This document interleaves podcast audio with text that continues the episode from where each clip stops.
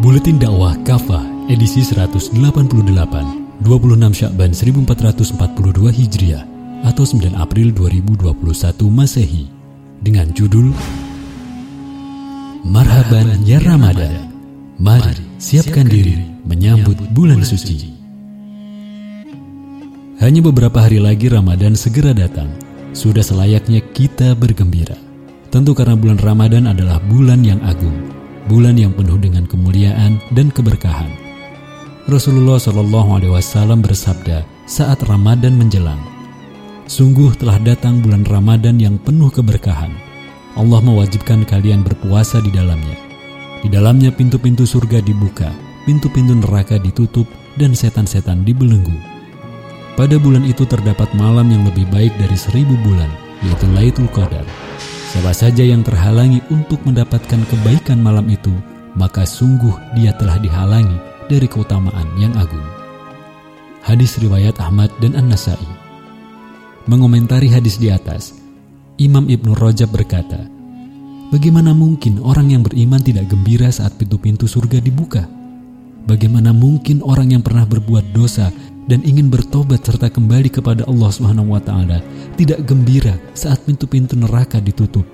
Bagaimana mungkin orang yang berakal tidak gembira saat setan-setan dibelenggu? Ragam keutamaan Ramadan. Setidaknya ada sembilan keutamaan Ramadan. Pertama, Ramadan adalah bulan yang di dalamnya diwajibkan puasa agar manusia meraih takwa. Lihat Quran Surat Al-Baqarah ayat 183. Kedua, bulan turunnya Al-Quran. Quran Surat Al-Baqarah ayat 185. Ketiga, bulan pengampunan dosa. Rasulullah Shallallahu Alaihi Wasallam bersabda, Siapa saja yang berpuasa pada bulan Ramadan karena iman dan mengharap pahala akan diampuni dosa-dosanya yang telah lalu. Keempat, bulan pembebasan dari neraka. Nabi Shallallahu Alaihi Wasallam bersabda, bagi Allah banyak orang-orang yang dimerdekakan dari neraka. Hal itu terjadi setiap malam. Hadis riwayat At-Tirmizi dan Ibnu Majah. Kelima, bulan kedermawanan. Di dalam satu hadis dinyatakan, Rasulullah Shallallahu Alaihi Wasallam adalah orang yang paling dermawan. Beliau lebih dermawan lagi pada bulan Ramadan. Hadis riwayat Al Bukhari dan Muslim. Keenam, di dalamnya pintu-pintu surga dibuka, pintu-pintu neraka ditutup dan setan-setan dibelenggu. Rasulullah Shallallahu Alaihi Wasallam bersabda, jika Ramadan telah tiba, pintu-pintu surga dibuka, pintu-pintu neraka ditutup dan setan-setan dibelenggu. Hadis riwayat Al-Bukhari dan Muslim. Ketujuh, bulan pengabulan doa. Hal ini dapat dipahami dari firman Allah SWT dalam Quran Surat Al-Baqarah di sela-sela menjelaskan tentang hukum-hukum puasa. Lihat Quran Surat Al-Baqarah ayat 186. Kedelapan, bulan dilipat gandakan pahala. Rasulullah SAW bersabda, Umroh pada bulan Ramadan setara dengan satu kali haji hadis riwayat Ibnu Majah dan At-Tirmizi. Kesembilan, di dalamnya terdapat Lailatul Qadar. Rasulullah Shallallahu Alaihi Wasallam bersabda, Sungguh bulan Ramadan telah hadir di tengah-tengah kalian. Di dalamnya terdapat satu malam yang lebih baik dari seribu malam. Siapa saja yang terhalangi dari malam itu, sungguh dia telah terhalangi dari kebaikan secara keseluruhan. Tidaklah terhalangi dari kebaikannya kecuali orang yang rugi. Hadis riwayat Ibnu Majah. Menyiapkan diri. Dengan ragam keutamaan Ramadan di atas, tentu tidak selayaknya Ramadan kita sia-siakan. Agar tak sia-sia kita harus mempersiapkan diri sebaik mungkin untuk menyambut kedatangannya. Dengan begitu kita tidak termasuk orang-orang yang disabdakan Rasulullah Shallallahu Alaihi Wasallam. Betapa banyak orang yang berpuasa namun tidak mendapatkan apa-apa kecuali lapar dan dahaga. Hadis riwayat Ahmad.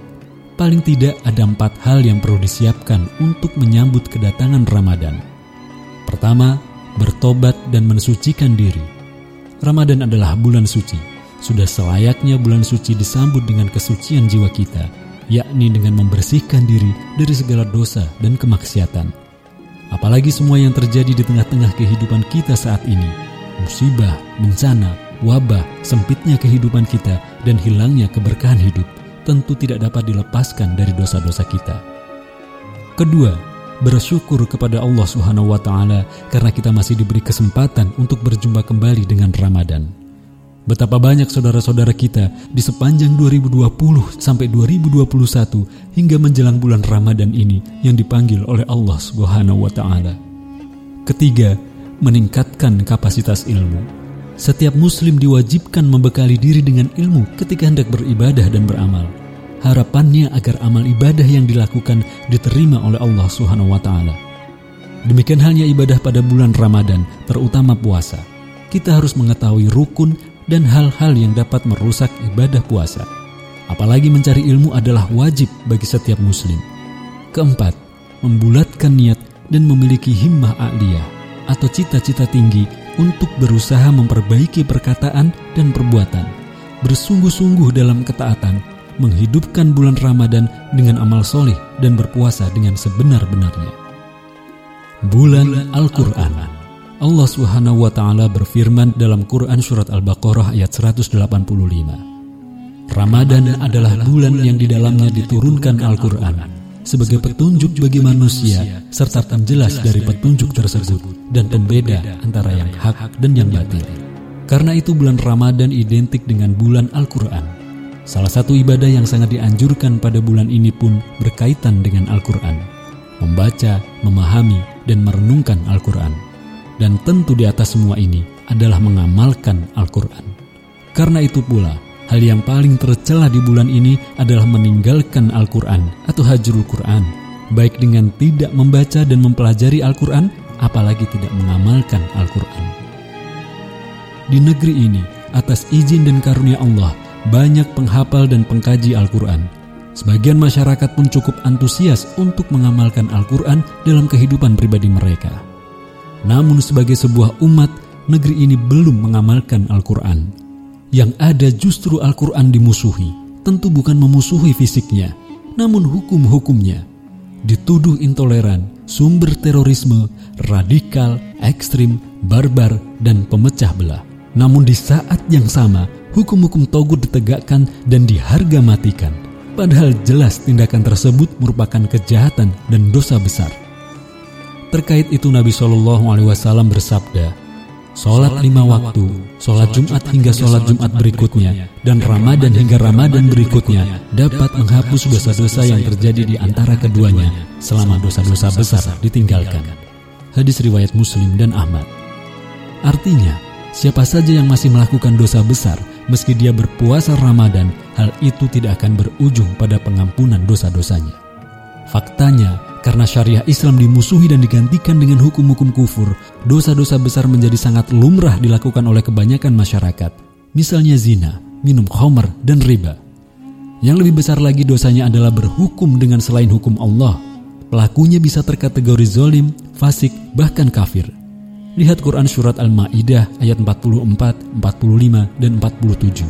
Sayangnya inilah yang terjadi di negeri ini.